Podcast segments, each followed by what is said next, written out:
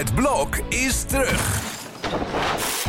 Vier koppels, vier bouwvallen, vier verbouwingen en dus een hele hoop stress. Het blok, iedere werkdag om half negen bij net vijf. Goeie vrijdag, goeie vrijdag, goeie vrijdag allemaal. Kruip weer dichter bij je speaker voor deze week de laatste maal. Goeie vrijdag, goeie vrijdag, kom eens hier en luister nou.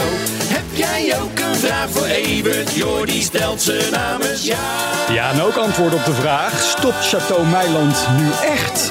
Want Slik Privé is er voor jou. Echt wel. Ja, Evert, ik reed vanochtend naar deze studio en ik dacht echt, wat hebben wij allemaal meegemaakt deze week? Wat een show. Losgemaakt. Ja. Jeetje, jeetje. Met Gordon natuurlijk, maar Oh ja. met eh, wat nog meer eigenlijk allemaal. Nou ja, eh, de, de, de slimste natuurlijk. Ons nieuws van gisteren is wel breed uit opgepakt. Ja, dat de opvolgers van het illustere duo bij de slimste mens toch net is ingelijfd door KRO eh, NCRV. Want Herman maakt natuurlijk wel een hele grote kans op dat op een gegeven moment te gaan overnemen van de inmiddels twee 80-jarige presentatoren van de slimste. Ja. En het wordt met gejuich ontvangen. En komende maandag start dat 22e seizoen. Het zou mij niet verbazen als Herman dan daar het decor in komt lopen en bekend maakt van, nou ja, ik ga het dan vanaf eh, volgend seizoen doen. Als zij op het hoogtepunt willen stoppen, dan is dit natuurlijk wel een mooie aanleiding om dat eh, te doen. En dat Herman ingelijfd is voor de slimste, onder dat lijkt me wel duidelijk. En ook, ook gezien het feit dat hij met het mes op tafel eh, neer moet leggen. Dat is omdat je geen twee quizzen kan presenteren. Ja. Dus ik denk dat 1 en 1 in dit geval wel eh 3 is. Gaan de Meilandjes denk je ook stoppen op hun hoogtepunt? Dan weet ik niet of ze nog op tijd zijn. Maar het is, eh, ja, ze moeten even een, een, een, frisse wind doorheen jagen. Het, het, het behangen, het slopen, het eh, nieuw inrichten en het decoreren. Dat hebben, we inmiddels, dat hebben we inmiddels wel een beetje gezien, denk ik. En of een kamer nou groen of blauw wordt, het komt toch wel op hetzelfde neer iedere keer. Dus Ja. ik denk dat dat eventjes op, op de schop moet, dat programma. En met een andere invalshoek eh, best nog een tijd door kan. Want die meilandjes, die blijven wel televisiegeniek Ja. en de gemoederen bezighouden. Maar je zag de laatste jaren de cijfers dat er toch een beetje verzadiging optreedt bij het publiek. Ja, en dat hebben de Meilandjes misschien zelf ook een beetje door. Hè? Want Maxime die heeft nu in een YouTube-serie van Robert Rodenburg gezegd... ja, we denken echt na over stoppen, want we gaan geen nieuwe verhaallijnen verzinnen om het verzinnen, zeg maar. We gaan niet dingen doen omdat we de serie moeten vullen. En dat zag je inderdaad de laatste tijd wel een beetje, dat het helemaal gevuld was met alleen maar dingetjes opknappen. En dat hebben we nu wel gezien, dus dat... Ja, ik ben- Misschien is het gewoon mooi geweest. Ja. En eh, ja, ik denk dat eh, alleen in België de PFAFs nog wat langer doorgegaan zijn. Ja. Maar ja, daar gebeurde op zich niet iets heel bijzonders. Dat was gewoon dat leven met bompa en bomma en, en de hele familie. En, en dat was toch een andere tijd. Waar mensen minder, waar de lat minder hoog lag. En waar je het ook gewoon leuk vond als mensen zaten te ontbijten. Ja. En inmiddels moet er veel meer gebeuren. En eh, ja, dat, ik denk dat de, de lengte van zo'n programma gewoon wat beperkter wordt daardoor. En het, het verbouwen alleen, wat destijds in, in Frankrijk natuurlijk het summum was. Waar heel Nederland naar keek, 2 miljoen mensen. Ja. Dat is wel een beetje voorbij. Ik ben benieuwd of er dan een nieuwe reality-familie gaat opstaan eh, bij SBS 6. Dat, eh, Ja, ze liggen niet voor het oprapen. Ze hebben het geprobeerd met scheetjes, ze hebben het geprobeerd met gilles. Nou ja, op, bij allebei is het toch, toch niet het niveau van de cijfers van de Meilandjes geworden. Ja. Dus ja, je moet er gewoon naar op zoek. Zo'n familie zal er heus wel zijn, maar vind ze maar eens. Nou ja, Mart Hoogkamer, die lijkt juist weer terug te komen. Is, is hij iemand waarmee we een reality-serie kunnen maken? Dat is toch wel iemand die veel te doen heeft in zijn leven. Dus Ik denk dat hij zich even op zijn optredens moet gaan concentreren. Dat hij daar echt een ander vol aan heeft. Het is wel voor het eerst dat hij eh, nu van zich laat horen en inderdaad eh, de aanstalten maakt om eh, terug te komen. Dat zou zaterdag over een week eh, gaan gebeuren. En dan is hij er best weer een hele tijd uit geweest na zijn concert in, eh, in Ahoy, wat een groot succes was. Maar eh, ja, hij heeft gewoon wat moeite met grote mensenmassa's. Mhm. En ja, juist een artiest wil die toch op de been krijgen. En aan de andere kant, als je daar dan moeite mee hebt of podiumangst hebt, dat is wel een fobie waar je mee moet leren dealen. En dat gaat niet vanzelf. Nee. En, en hij moet gewoon eh, genieten van zijn succes, lijkt me. Maar dat is makkelijker gezegd dan gedaan. ja, ik ben benieuwd, hè, want hij wilde een betere balans vinden hè, tussen zijn privéleven en dat leven in de schijnwerpers. Dus misschien gaat hij wel minder optreden. Dat zou natuurlijk kunnen. Ja, alleen nog concerten of alleen nog in theaters of zo. Dat, dat, dat zou inderdaad kunnen. Dan, dat hele rijke snabbelcircuit laat je dan liggen. Maar ja, als je daar zo'n problemen mee hebt.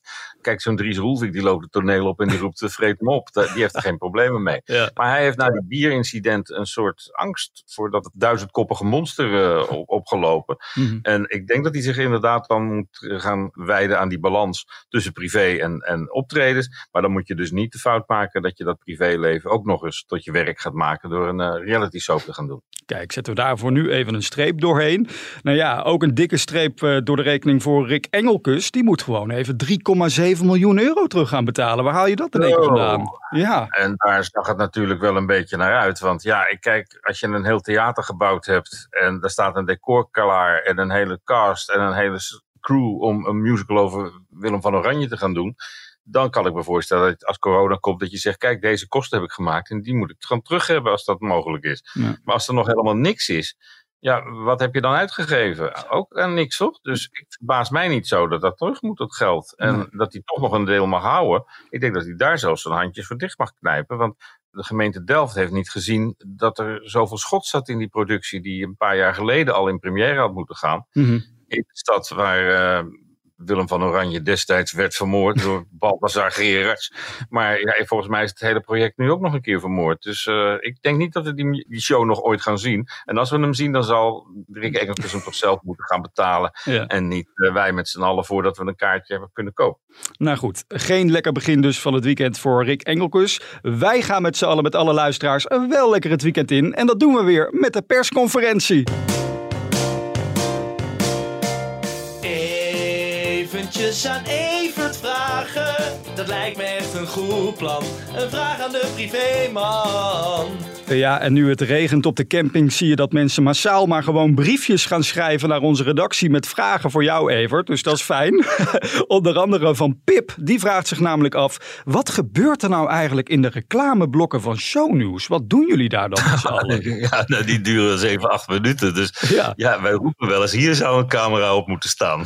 Oh ja, vertel eens dan. Ja, dat is altijd wel afhankelijk van de mensen aan tafel. Het is altijd wel een heel gezellige sfeer. En dan hoef je alleen nog maar die kleine tien minuten na de break te doen. Dus ja, die bereid je voor. Maar ja, dan komen er ook allemaal verhalen naar boven. Zoals in- bij elk koffieapparaat eh, besproken worden. Maar dan s'avonds laat. Het is wel heel vaak lachen. Ja. Je kijkt natuurlijk terug op die eerste 25 minuten die we er dan op hebben zitten.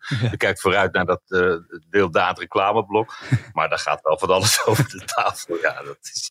Ik, ik begrijp dat je dat allemaal niet mag verklappen, maar stel nou, hè, Nee. het gebeurt ook wel eens dat jullie een stevige discussie hebben hè, in de studio en dan gaat het er wel eens hard aan toe. Wordt daar dan nog over doorgepraat in die reclamebreak of is dat dan ook gewoon echt Ja, over? soms wel. Ja, soms wel. Want eh, soms zijn mensen het echt falikant niet met elkaar eens. Ja. En, eh, daar wordt wel nog even op doorgepraat.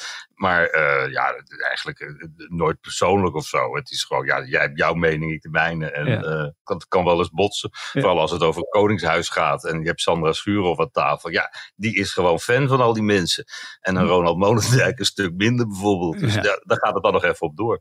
Kijk, nou goed, ik voel een reality-serie aankomen. De reclameblokken van Shownews allemaal bij elkaar gepakt en we hebben een mooi nieuw programma op Talpa. Nou ja, goed, hierbij het idee. Zou kunnen scoren. Wij zijn er doorheen. Ja, het was een heftige, pittige showbizweek, Evert. We gaan het maandag voortzetten om 12 uur. Zo is dat. Mooi weekend allemaal. De zon schijnt bij Evert Zantegoed. Met Jordi aan zijn zij, want het is zomer. Maar dat is strikt privé.